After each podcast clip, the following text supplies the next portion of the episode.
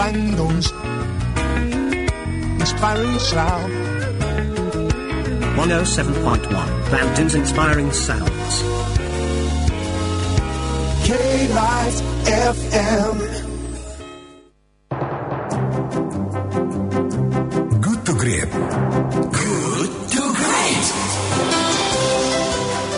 Terima kasih Anda masih bersama saya Ijul Syafi'i di Good to Great because good is the enemy of great. Dan kita masih berada di sesi diskusi yang kita pagi ini masih membahas tentang mengawal dana bencana COVID-19 agar cepat dan tepat sasaran serta tidak dikorupsi. Dan sudah terhubung di ujung telepon pembicara kita tentang narasumber kita itu Bapak Derajat Wibowo. Beliau adalah ekonom Sustainable Development Indonesia atau SDI. Assalamualaikum warahmatullahi wabarakatuh, Pak Derajat. Waalaikumsalam. Terima kasih wabarakatuh. Iya. Alhamdulillah baik. Bagaimana sehat juga, Pak? Alhamdulillah. Iya. Pak Derajat ini untuk mengatasi penyebaran virus uh, COVID-19 yang meluas, pemerintah kan mengalokasikan dana uh, belasan triliun rupiah untuk bantuan sosial khusus bagi masyarakat miskin yang terancam akibat uh, corona ini, Pak. Tapi uh, pengamat anti korupsi dan ekonom juga meminta pemerintah supaya lebih terbuka karena menganggap dana bansos ini rawan untuk dikorupsi. Anda sendiri melihatnya bagaimana, uh, Pak Derajat? Oke. Ya, jadi eh, apa dana bansos itu memang dalam sejarah eh, APBN kita itu Hmm. memang eh, sudah beberapa kali dikorupsi dan sudah ada beberapa yang ter eh, yang ditangkap oleh KPK kan Mhm. eh, maupun di periode-periode eh, sebelum KPK begitu. Jadi eh, karena sifatnya hands out itu memang eh, memang eh, cirinya mudah dikorupsi. Iya, iya. Eh, karena itu eh, dana bansos maupun dana handout lainnya itu harus ada pengawasan yang lebih ketat, eh, bukan hanya secara konstitusional melalui parlemen, akan tetapi juga eh, oleh eh, oleh masyarakat.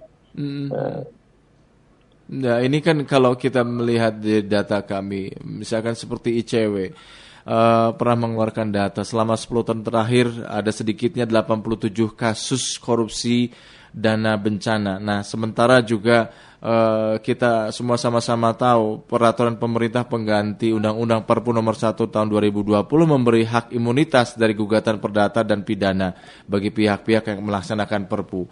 Enak sekali ya, eh, Pak Derajat seperti ini.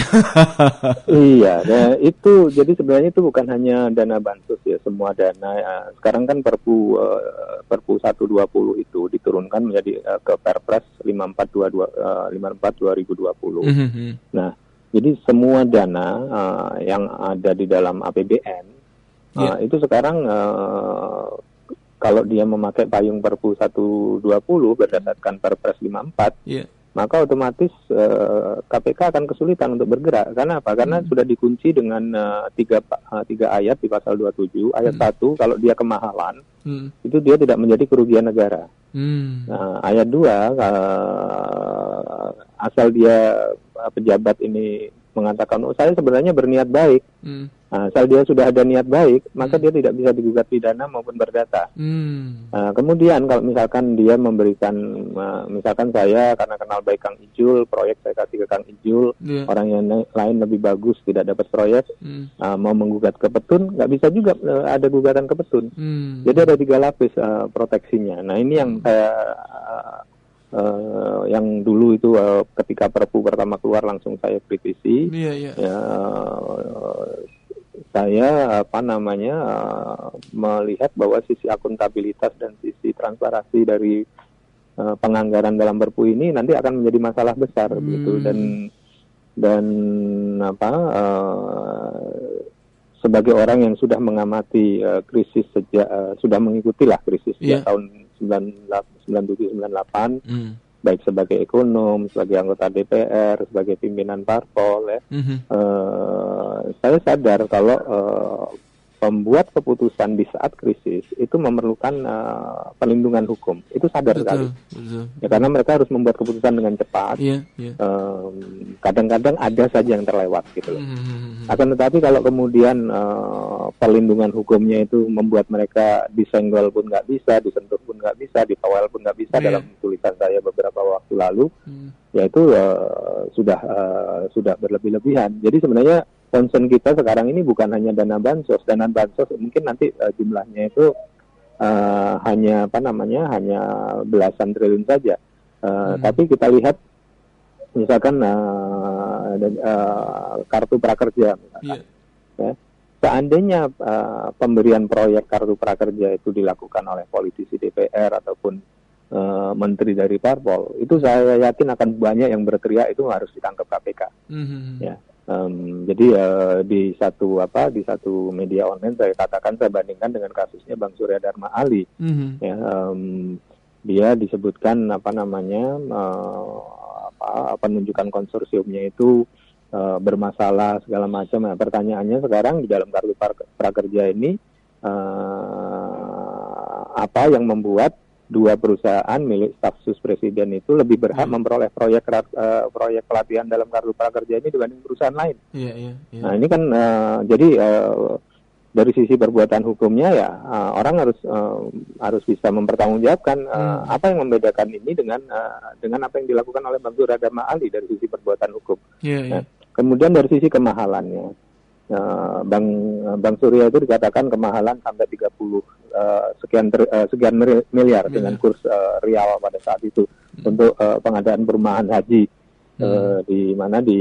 di Madinah sama di Jeddah ya. Mhm. Nah, eh, 30 sekian miliar eh, itu dia di- dikena vonis 6 tahun ya, Mhm. kemahalan. Nah, sekarang di dalam kartu prakerja pelatihannya misalkan Mhm. ya eh, itu kita eh, masyarakat sudah bisa melihat sendiri banyak yang bisa didapatkan gratis melalui modul-modulnya itu banyak yang bisa didapatkan gratis Iya. melalui YouTube Mhm. ya kan Mhm. tapi ketika masuk di dalam APBN dia di eh, negara harus membayar ada yang eh, ada yang sampai 250 eh, ribu per per eh, per modul per orang Iya.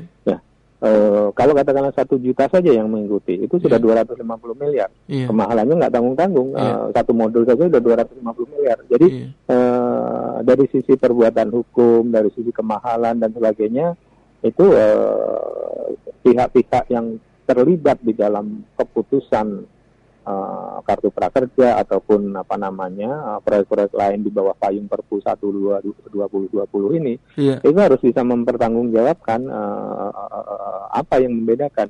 Iya, ini jadi konflik. beda, jadi- satu beda yang paling jelas adalah bahwa eh, Bang Surya Dharma Ali tidak mempunyai perlindungan melalui Perpu yang Hmm. eh, tiga lapis itu. Hmm. Mereka mempunyai perlindungan tiga lapis melalui Perpu. Itu yang Iya. membedakan. Ini jadi konflik of interest ya, eh, Pak Derajat ya. Mengingat terakhir kan kita juga dihebohkan dengan staf khusus Presiden Andi Taufan Garuda Putra yang atas nama pribadi mengirimkan surat ke camat-camat, kemudian tadi yang eh, ruang guru eh, melalui CEO-nya ada Mas Belva Devara gitu lah. Bagaimana ini bisa Anda melihatnya bisa terjadi ini? Nah itu kalau saya melihatnya malah itu sebenarnya maaf itu eh, em,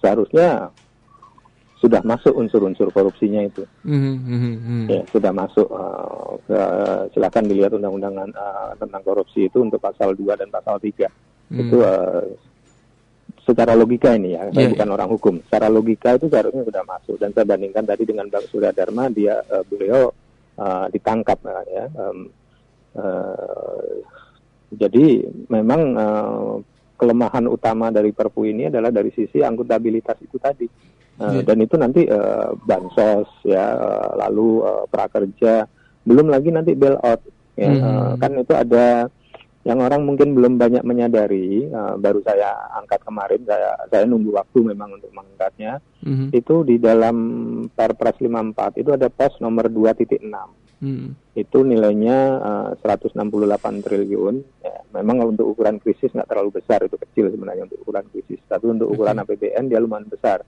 Iya, 150 triliun itu adalah untuk bailout, untuk penyele- eh, penyehatan ekonomi. iya. Nah, eh, kita masih punya pengalaman buruk dengan BLBI dengan eh, obligasi rekap yang Mhm. yang efeknya harus kita tanggung sampai eh, sampai 2030 Hmm. pembayaran bunga dan pokoknya. Nah, Hmm. jadi eh, kalau apa pelaksanaan Perpu ini tidak ada yang mengawal, baik itu eh, secara ketatanegaraan melalui DPR maupun masyarakat, Hmm. Ya jangan kaget kalau nanti muncul eh, kasus-kasus yang lebih parah lagi, lebih parah dari BLBI, dari obligasi rekap maupun dari Bank Senturi, begitu. Iya. Jadi eh, ini yang yang apa yang harus kita koreksi makanya saya sampaikan eh, bahwa saya sebagai ekonom eh, menyadari bahwa kita memang perlu gerak cepat ya dan per- perpu itu dibutuhkan tapi ketika perpu itu eh, ada kelemahan yang sangat eh, sangat mendasar sementara di sisi lain DPR itu hanya punya kewenangan untuk menerima atau menolak ya Iya. DPR itu nggak bisa meng- mengubah merevisi ke perpu menerima atau menolak Hmm. maka eh, saya usulkan supaya perpu ini digeser menjadi APBNP supaya nanti pasal-pasalnya itu ada di dalam apa namanya di dalam APBNP kemudian eh, apa em, perlindungan hukum yang memang wajar ya Iya. em, tidak berlebihan itu bisa diberikan eh, dalam pasal-pasal APBNP tapi juga tetap bisa di eh, dikoreksi baik oleh lembaga-lembaga negara BPK KPK eh, Irjen ya em, DPR eh, DPD Ya. maupun juga oleh masyarakat secara umum. Saya kasih contoh begini, Iya. Eh, katakanlah nanti BPK men- me- menemukan ada temuan dalam eh, penyaluran bansos, karena penyaluran bansos ini kan eh, dibagi-bagi ke rakyat, boh, tangannya banyak sekali. Betul. Katakanlah eh, walaupun dia bisa dibagi melalui apa namanya, melalui eh, rekening misalkan, Iya. eh, tapi kan tetap saja ada ada RT yang terlibat, ada apa di dalam eh, verifikasi nama dan sebagainya. Hmm. Nah, eh, karena tangannya banyak sekali, ini kan eh, peluang bocornya banyak. Katakanlah BPK, BPK menemukan eh, menemukan kebocoran, menemukan apa namanya eh, kasus. BPK nggak bisa mengatakan itu kerugian negara.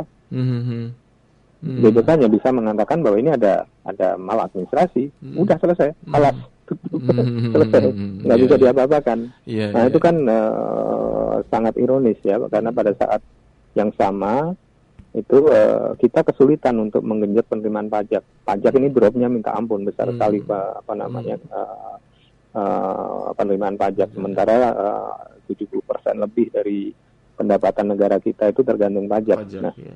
eh, dengan eh, dengan apa adanya PSBB banyak ekono, ek- aktivitas ekonomi mandek segala macam otomatis bisnis kan jadi jadi Berhambat, berkurang berkurang. berputarannya contoh yang gampang aja misalkan kafe-kafe restoran-restoran itu kan Ya. eh, apa eh, dia menyumbang PPN menyumbang PPN menyumbang apa namanya Iya. pajak restoran dan sebagainya itu juga tutup retail juga jadi Hmm. apa jadi berkurang Sehingga penerimaan pajak turun drastis ya. otomatis penerimaan pajak itu akan anjlok drastis, bukan hanya turun saja.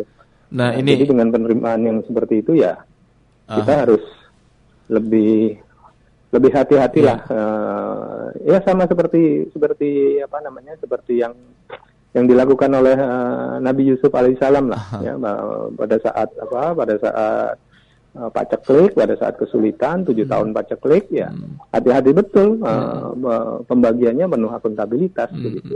Pak Derajat ini yang terakhir ketika kita bicara mengenai eh, kondisi seperti sekarang artinya si pelaksana perpu tadi mendapatkan hak imunitas sementara bansos ini dana bantuan sosial ini juga rawan untuk dikorupsi kemudian kita kita ada memunculkan pertanyaan walaupun sekarang sudah konon ada penggugat ya dari perpu ini termasuk ada salah satunya ke Mahkamah Konstitusi itu bagaimana? Ketika kita bicara dausolan ada DPR yang salah satu tugasnya adalah pengawas. Sementara dasennya DPR justru terlihat kompak gitu mesra dengan pihak eksekutif. Bagaimana anda melihatnya ini?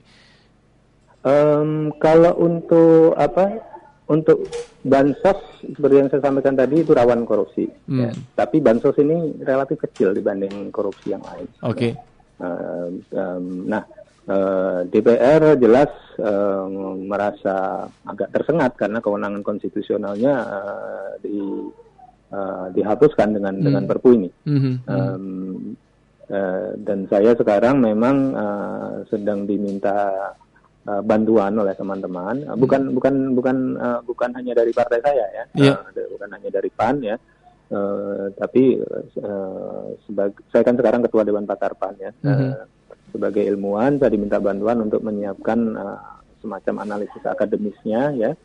Eh, karena teman-teman di DPR eh, dari berbagai partai itu merasa tidak nyaman dengan dengan mekanisme apa mekanisme ketatanegaraan yang diatur di dalam Perpu ini. iya iya Nah, jadi em, em, eh, tentu kan sebuah sikap politik itu harus ada dasar akademisnya. Iya. Nah ini eh, ada ada teman-teman dari partai lain, partai-partai besar begitu, Mm. eh, minta tolong saya untuk menyiapkan dasar akademisnya, ya saya siapkan. em, eh, dan tampaknya mudah-mudahan ya, mudah-mudahan arahnya nanti adalah ke APBNP. Mudah-mudahan kita lihat saja nanti bagaimana bagaimana apa yang terjadi di eh, di DPR. Memang eh, fraksi-fraksi itu sebagian besar adalah fraksi pemerintah ya. Iya. Eh, tapi eh, di sisi lain eh, mereka itu juga partai-partai itu juga kan eh, punya punya apa namanya punya tanggung jawab dan punya kewenangan konstitusional yang diatur oleh Undang-Undang Dasar kita Hmm. yaitu di dalam budgeting, dalam pengawasan Pengawasan eh, maupun eh, di dalam eh,